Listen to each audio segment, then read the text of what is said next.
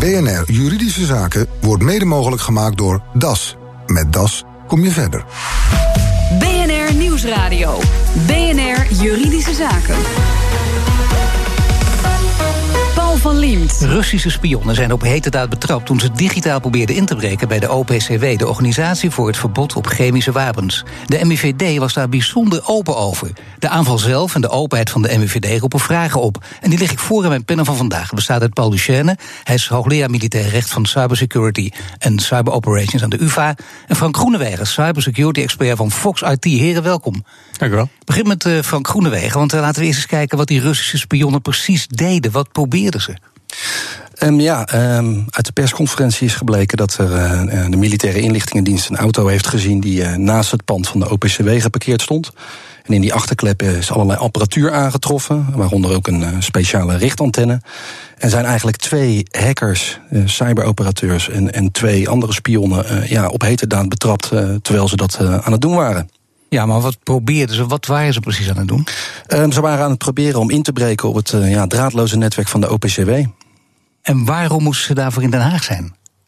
Um, ja, het pand van de OPCW is gevestigd uh, in Den Haag. En het is een internationale organisatie uh, ja, die daar op, die, op die plek zit. Ja, dat kan niet van een afstandje. En nee, zeker niet. Als we het over het draadloze netwerk hebben, en als je daarop wil inbreken, dan moet je dus binnen het bereik van dat draadloze signaal zijn om daar iets mee te kunnen doen. En Paul Duchesne, waarom was de MVD zo open over het betrappen van die spionnen? Bijna, triomf, bijna triomfantelijk open. Nou ja, dat, dat laatste triomfantelijk, dat weet ik niet, maar open, uh, absoluut. En, en dat was misschien misschien viel het op omdat ze dit normaal gesproken niet, uh, niet zo naar buiten brengen. En de, er zullen waarschijnlijk een aantal redenen zijn geweest om, om dat nu wel te doen. De en eerste is, weten, ja. ja. de eerste is de Amerikanen gingen die middag uitgebreid met een, uh, met een persconferentie en een indictment, dus een telastenlegging van een aantal van deze heren, uh, ook de openbaarheid in. En dat zou dus sowieso uh, naar buiten zijn gekomen dat zich dit hier had afgespeeld. Dat is de, de hele praktische, voor de hand liggende eerste reden. Ja, en de tweede minder voor de hand liggende? Nou, de tweede is uh, denk ik de signaalwerking die uh, Nederland en partnerlanden hebben willen afgeven richting uh, de Russische Federatie. Wat ook in de verklaring van de minister en directeur MIVD stond. Jazeker, maar dat doe je toch pas, een signaal uitgeven als er echt iets groots aan de hand is? Nou ja, misschien is het al met al alles bij elkaar opgeteld. Is het nu zover dat ze, dat ze dit duidelijk willen laten merken tot hier en niet verder. Maar het was niet dat dit groter is dan andere dingen, maar het is een optelsom. Ik denk dat het sowieso een optelsom is. Er werden ook meerdere voorbeelden aangehaald. De Amerikaanse telastenlegging laat dat ook duidelijk zien wat er nog meer speelde. Maar het is een beetje tot hier en nu verder, die boodschap. Ja, nou, tot hier en nu verder zul je wellicht uh, niet hard kunnen maken. Maar het, het, signaal is wel, we zien jullie. Uh, we, uh, we, we, wijzen het af. En we zullen ook niet schromen om jullie ja. in het openbaar aan te spreken. Dus als jullie dit tot doen. hier en niet verder dan? In, in dat opzicht gaat daar wel een waarschuwing van uit, ja. Hebben de Russen hiermee in strijd met het internationale recht gehandeld? Uh, ja, dat is, dat is echt een hele lastige vraag waar de juristen het niet over, uh, over eens zijn, nee, denk ik. ik. fijnste vragen. Wat zegt u? Dat zijn de fijnste vragen in dit dat programma. zijn de fijnste vragen, ja. ja. Nou, er, is Juridische een, zaken. er is een visie die zegt, uh, uh, spionage is niet verboden, dus het mag. Ja. Uh, dat is op zich is dat, uh, nou, dat kun je overeind houden. En dan is er dus geen strijd met internationaal recht. Maar er zijn ook andere regels van het internationaal recht die je ook moet respecteren. En, en die zouden wel in het gedrang kunnen komen. Het is een kwestie van definiëren. Is het belangrijk om dit zo uh, helder en strak mogelijk te definiëren? Of maakt het eigenlijk niet zoveel uit? Ja. Het maakt volgens mij nog wat uit. Hebben ze nou wel of niet in strijd gehandeld met het internationaal recht? Ja, nou wat ze sowieso feitelijk gedaan hebben, is gespioneerd. En naar Nederlands recht is dat verboden. En, en dat is sowieso aan, aan te spreken. Uh, en dus kennelijk ook naar Amerikaans recht, zoals dus we gezien hebben. Dus illegaal. En daar kun je voor vervolgd worden en voor veroordeeld worden. Naar internationaal recht ligt dat anders. De landen hebben daar zelf geen afspraken over willen maken onderling. Maar een van de beginselen die je moet respecteren is soevereiniteit. En de, en de integriteit van uh, je binnenlandse ja. activiteiten. En in dit geval de integriteit van een internationale organisatie. Dat is niet gebeurd, maar ik las in sommige publicaties uh, wel dat het een oorlogsdaad was. En dat zijn wel hele grote woorden, of dat niet? zijn hele grote woorden. maar Dat zijn veel te grote woorden? Veel te grote woorden, ja. ja. Wanneer ja. is het wel een oorlogsdaad? Uh, het zou een oorlogsdaad kunnen zijn als we al in oorlog waren met zo'n uh, met zo'n opponent. En dat zijn we niet. Uh, en als het dan over de start van zo'n conflict zou gaan. Ja, dan moet je het echt over uh, hele grote fysieke schade hebben. Omvangrijke fysieke schade. doodletsel. Of voor zover je dat al uh, kunt beschrijven, de digitale equivalenten. Nederland doet wel een poging om die digitale equivalent te omschrijven, maar dat is echt een ontwrichting van Nederland. Maar laten we zeggen, een dubbelspion die wordt vergiftigd, dat is een fysieke daad, er valt een dode bij, dat is dan een oorlogsdaad. Nee, dat is denk ik gewoon moord. Dat is gewoon moord. Ja. ja. En als het dan twee waren geweest, dan. Ook. En tien? Ook, nog steeds. Oh. Kijk, het is een, heel, het is een geleidend spectrum. Bij 3000 ja, weten we van 9-11. Oh, dat, dat, wordt gezien als een oorlogsstaat. Ja, maar dat is echt, dat is ongeveer de grens. Nou, dat is niet de grens, maar toen weten we dat we de, de staten hebben er toen zo op gereageerd. Dus dan weet je, als dat gebeurt, dat, dan, ben je, dan ben je in staat om dat label eraan te hangen. En alles daarvoor, ja, dat hangt echt af van omstandigheden, zoals de meeste juristen zullen betogen. Oké, maar er moet uh, schade worden aangericht. Wil het internationaal rechtelijk uh, iets opleveren ja. in negatieve zin? Uh, kun je zeggen dat er met zo'n aanval schade. Kun je die zelfs aanrichten, Frank Groenewegen? Kun je überhaupt schade aanrichten met zo'n aanval? Nou ja, zeker wel, maar dat ligt ook aan het type aanval. Ik denk om nog even terug te komen op wat Paul net zei, weet ik wel dat er in Amerika uh, vanuit de overheid wel uh, dingen geroepen zijn als als een, een ander land een, een digitale hack pleegt op onze infrastructuur, dan kunnen wij op een zeker moment terugslaan met, qua vergelding met ook gewoon echte raketten. Kunnen niet echt dreigend ook, hè? En niet echt overtuigend. Nou, ik denk zeker wel dat er wellicht in de toekomst situaties gaan ontstaan. waarin ze zichzelf elke keer opnieuw zullen afvragen: oké, de schade die hiermee aangericht is, en dat is wat Paul ook net zei. Eh, de Russen hebben een keer in de Oekraïne de stroom uitgezet.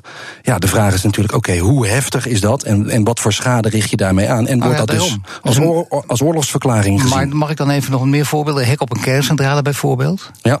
Ja, een hek, op een, een hek op een kerncentrale, de stroom uit. Je zou in, in specifieke gevallen zou je het complete betalingsverkeer in een land plat kunnen leggen. Waterzekerheid. Uh, je zou water, waterschappen kunnen uitzetten, sluizen kunnen openzetten. Ja, zo kunnen we nog wel even doorgaan. Omdat uiteindelijk tegenwoordig in onze ver, ja, verdigitaliseerde samenleving bijna alles verbonden is met computers of aangestuurd wordt met computers die op een zeker moment altijd verbonden zijn met het internet. Kijk, die, die eerste keer dat het gezegd wordt, het zou kunnen zijn dat we het zien als een gewapende aanval. Dat is echt een, eh, een, een, een, dat is een eh, gamechanger. Want voorheen werd dat nooit gezegd. Werd altijd eh, bedacht dat dat niet zo zou kunnen. Nu kunnen we ons ondertussen voorstellen. Je kunt het bedenken, je kunt het beschrijven in scenario's, dat doen we ook.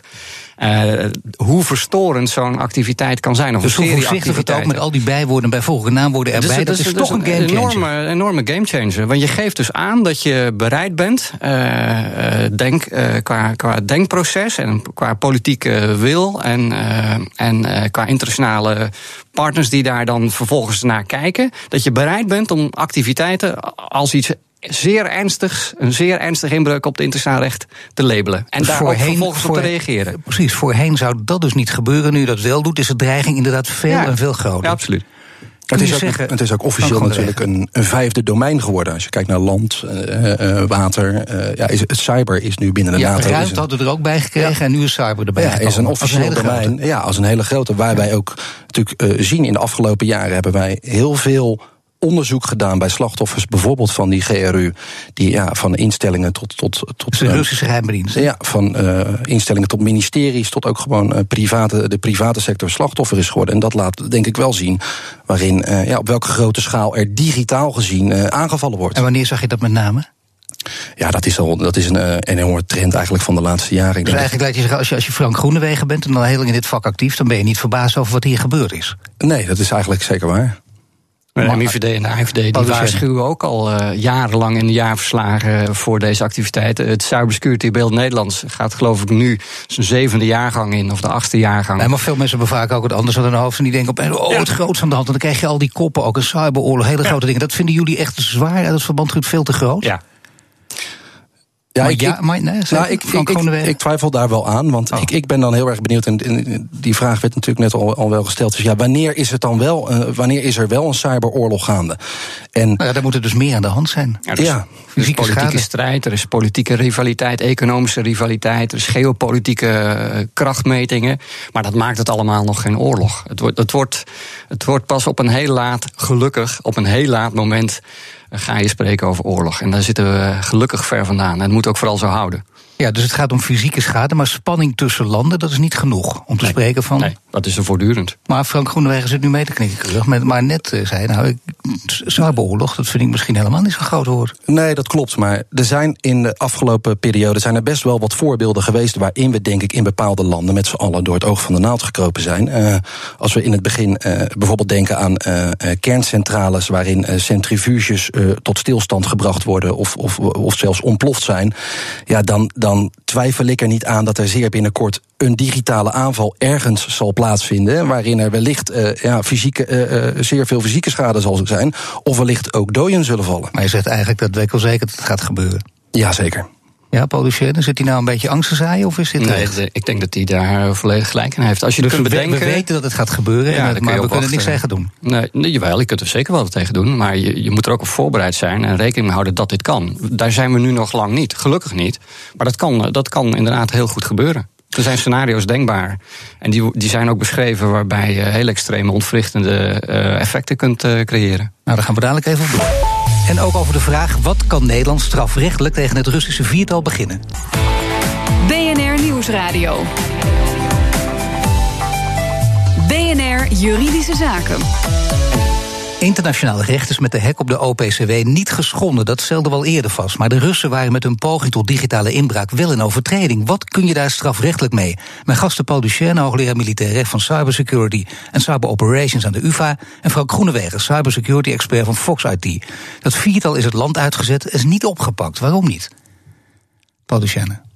Uh, nou, precies, precies, weet ik niet. Ik, ik ga afvatten uh, wat ik dan inderdaad ook gezien en gelezen heb. Maar ja. de, de, de prio 1 voor de, voor de MIVD, voor de inlichtingendienst, was die operatie verstoren. en die operatie dus stopzetten. en de mensen uitzetten.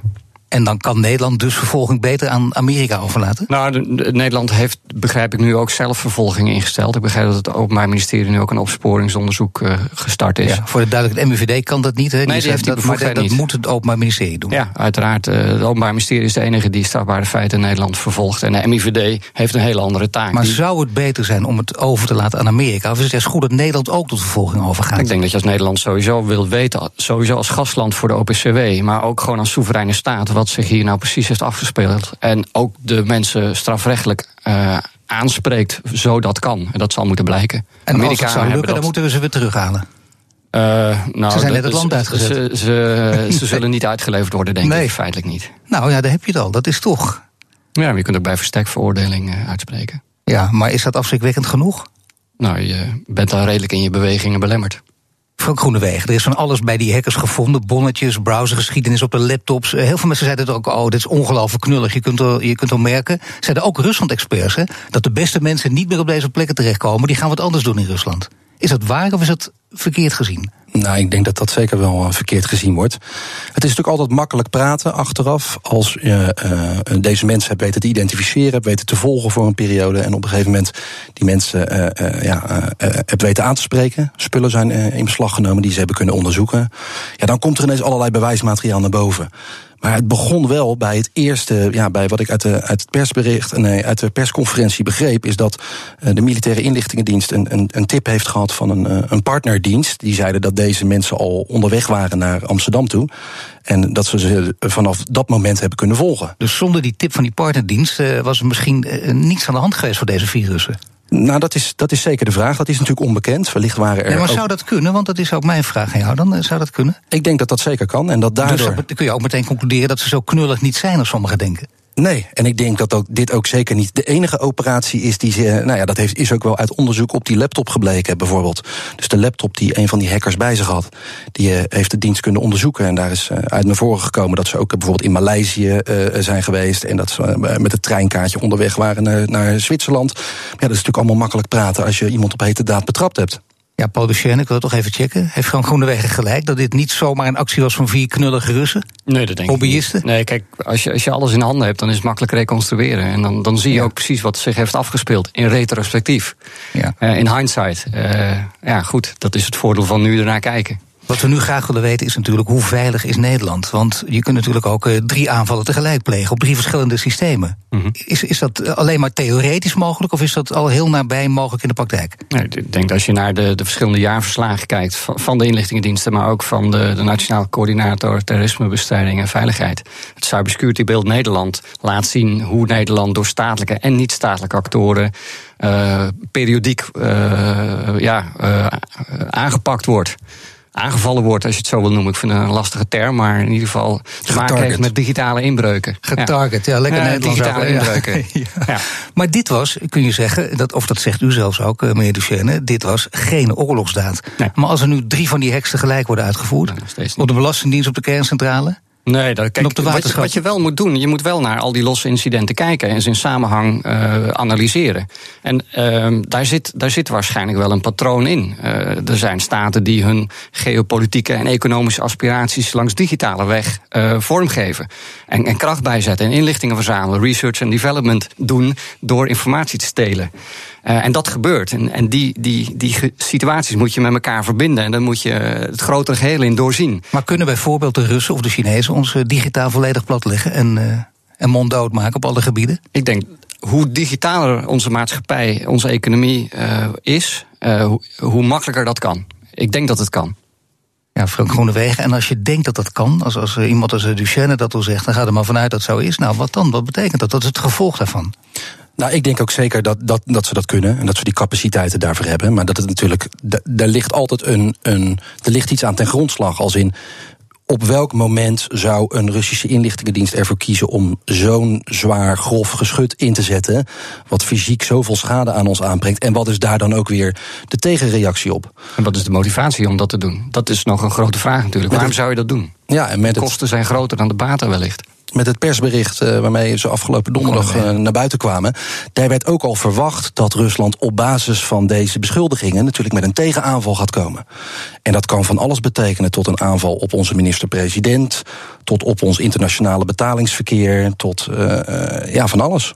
Ja, Paul Duchesne, om er maar eens een paar te noemen, Frank Groenewegen. Betalingsverkeer, de minister-president, zijn er nog wel een paar te noemen. Ja, ik weet het niet. Hoge generaals. Uh, ja, ik weet het niet. Misschien, dat, misschien dat, er, dat er nu een paar Nederlanders uitgewezen worden in, uh, uit, uh, uit Moskou. Dat zou ook kunnen. En dat maar, zag je in de Verenigde Staten. Daar werden diplomaten uitgewezen en de Russen deden dat idem dito. Dat is, dat is een vaak gehanteerde methode inlichtingofficieren die het land uitgezet worden. En dan gaan er aan de andere kant ook een paar terug. Maar het OM gaat over tot vervolging, dat is wel een belangrijke. Dat betekent dus dat, dat nou, toch OM is, is uh, denk ik een opsporingsonderzoek gestart. Uh, en dat moet nog maar blijken of daar vervolging uit voortkomt. De Amerikanen hebben een hebben vervolging ingesteld. Zou, nee, natuurlijk. Dat heeft eerst met die opsporing te maken. Ja. Maar dat zou daar logischerwijs het voort kunnen komen. Ja. Maar het kan ook niet zo zijn. Maar als ja. het wel zo is, betekent het dat je daarmee aangeeft: het is geen oorlogsdaad. Maar opsporing geeft aan dat we jullie wel gaan vervolgen. En dat we dus terugslaan naar de Russen. Nou, kijk, opsporing kan wel zijn. Uh, afhankelijk van wat voor misdrijf uh, men uh, dan ontdekt daarin. Dat, dat kan allerlei kanten op gaan. maar dat je er vervolg aan geeft, is een hele normale reactie op dit soort digitale inbreuken. Dit zijn strafbare feiten, sowieso. Spionage groot, is verboden hoe, hoe groot zijn wij op, op dit gebied, op dit gebied van, uh, van cyber security, zijn wij heel groot en sterk. En net zo sterk als de Chinezen, de Amerikanen en de Russen? Of veel kleiner? Nou, ik denk in ieder geval dat uh, de, de, de, details die de MIVD afgelopen donderdag heeft ge gepresenteerd, laat echt wel zien dat hun op het wereldtoneel van inlichtingendiensten zeker een hele belangrijke positie hebben op het gebied van inlichtingenwerven en de resultaten. Maar de vraag is natuurlijk, uh, als je kijkt naar andere landen en de budgetten die andere landen uh, specifiek spenderen uh, binnen hun inlichtingenapparaat of zelfs dan ook cybersecurity, ja, daar, daar kunnen wij natuurlijk niet echt aan tippen. Hartelijk dank. Frank Groenewegen, cybersecurity-expert van Fox IT en Paul Duchesne, hoogleraar militair recht van cybersecurity en cyber operations aan de UvA. Dank u wel. BNR Nieuwsradio. BNR Juridische Zaken. Ik heb toch het recht om vergeten te worden, dacht Daniel. Maar er zijn belangen die zwaarder wegen, merkte hij in een verslag op van Nelke van der Heijden. Daniel, jij bent nou sinds een jaar of zo uh, in vaste dienst. Daarvoor was je ondernemer. Stond je natuurlijk ook ingeschreven bij de Kamer van Koophandel. En daar wil je eigenlijk wel van af. Hoe gaat dat? Heel graag. Ik ben, in, sinds september ben ik geen freelancer meer, maar ben ik uh, bij een bedrijf werkzaam. Uh, en daarom vind ik het niet nuttig meer dat mijn gegevens open en bloot op straat liggen dankzij de KVK. Dus daar wil ik heel graag vanaf. En heb je het ook al aan de KVK zelf gevraagd of dat kan? Uh, ja, en daar zijn ze eigenlijk heel strikt in. Ik heb via WhatsApp contact met ze opgenomen, omdat ik uh, mijn gegevens daar uh, niet meer wil hebben. Maar zij zeggen eigenlijk dat het openbaar is en niet alleen actuele gegevens delen zij met, met derden, maar ook historische gegevens. Dus ook van ondernemingen die nu niet meer bestaan, wat dus ook mijn onderneming is. Zij zeggen dat dat zorgt voor rechtszekerheid in het economisch verkeer en dat zij daar helemaal niks aan kunnen doen. Nee, klinkt wel uh, nou ja, belangrijk en indrukwekkend, maar jij hebt er niks aan. Heb je nog uh, gevraagd of er nog wel iets mogelijk is? Uh, ja, zeker. Ik heb gevraagd of misschien mijn adres, omdat ik als zelfstandige ook gewoon mijn woonadres daarin had staan, of ze dat misschien kunnen afschermen, net als mijn telefoonnummer. Ook dat was niet mogelijk, omdat er dus moet kunnen worden gezocht naar vervallen ondernemingen. Maar jij hebt het idee dat, het, dat je er vanaf zou moeten kunnen? Nou, juridisch is het een interessante vraag. Want uh, we hebben onlangs in Nederland de AVG als nieuwe wet, die ook in heel Europa geldt. Die de privacy van internetgebruikers, van ondernemers, van consumenten moet beschermen. En daartoe valt ook het uh, recht om vergeten te worden. Dus dat je kunt aanvragen dat gegevens van jou niet meer zichtbaar zijn. Nou, KVK gaat hier niet in mee. En uh, dat stoort mij. Steeds van Kennedy van der Laan. Kan Daniel met die AVG in handen nou inderdaad wat beginnen tegen de KVK? Nou, op grond van die AVG die we sinds mei hebben, heeft hij het recht op vergetelheid. Hij kan vragen dat de Kamer van Koophandel zijn gegevens niet meer verwerkt of in het register heeft. Maar dat recht is niet absoluut. En de voorwaarden waaronder dat kan, zijn in zijn geval denk ik wel erg uh, lastig. De Kamer van Koophandel voert aan dat zij op grond van rechtszekerheid in het economisch verkeer die gegevens in hun register moeten hebben. En hoewel dat natuurlijk heel groot klinkt tegenover Daniel, is dat wel echt een, een gegrond belang.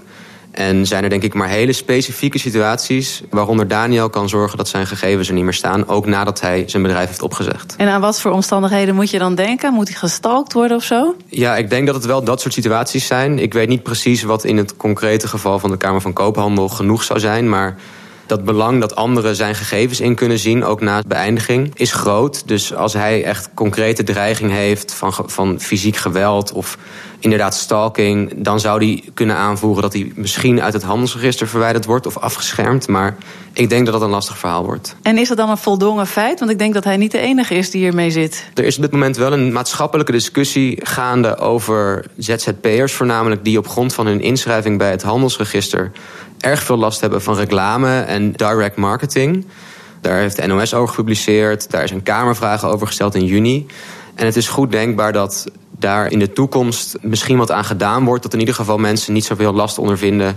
En dat die direct marketing wat, wat afneemt. Als dat de reden is waarom hij zijn uitschrijving of zijn afscherming wil. Dan is het mogelijk dat, hij daar nog, dat er nog een beetje hoop is. Maar volledige verwijdering of in zijn specifieke geval afscherming, dat gaat denk ik niet gebeuren Cees Plezier. En een verslag van Nelke van der Heijden. Heeft u ook een juridische vraag? Mail hem naar juridischezaken.bnr.nl. En dit was de uitzending voor vandaag. U kunt de show terugluisteren via de site, de app, iTunes of Spotify. Mijn naam is Paul van Diemt. Tot de volgende zitting.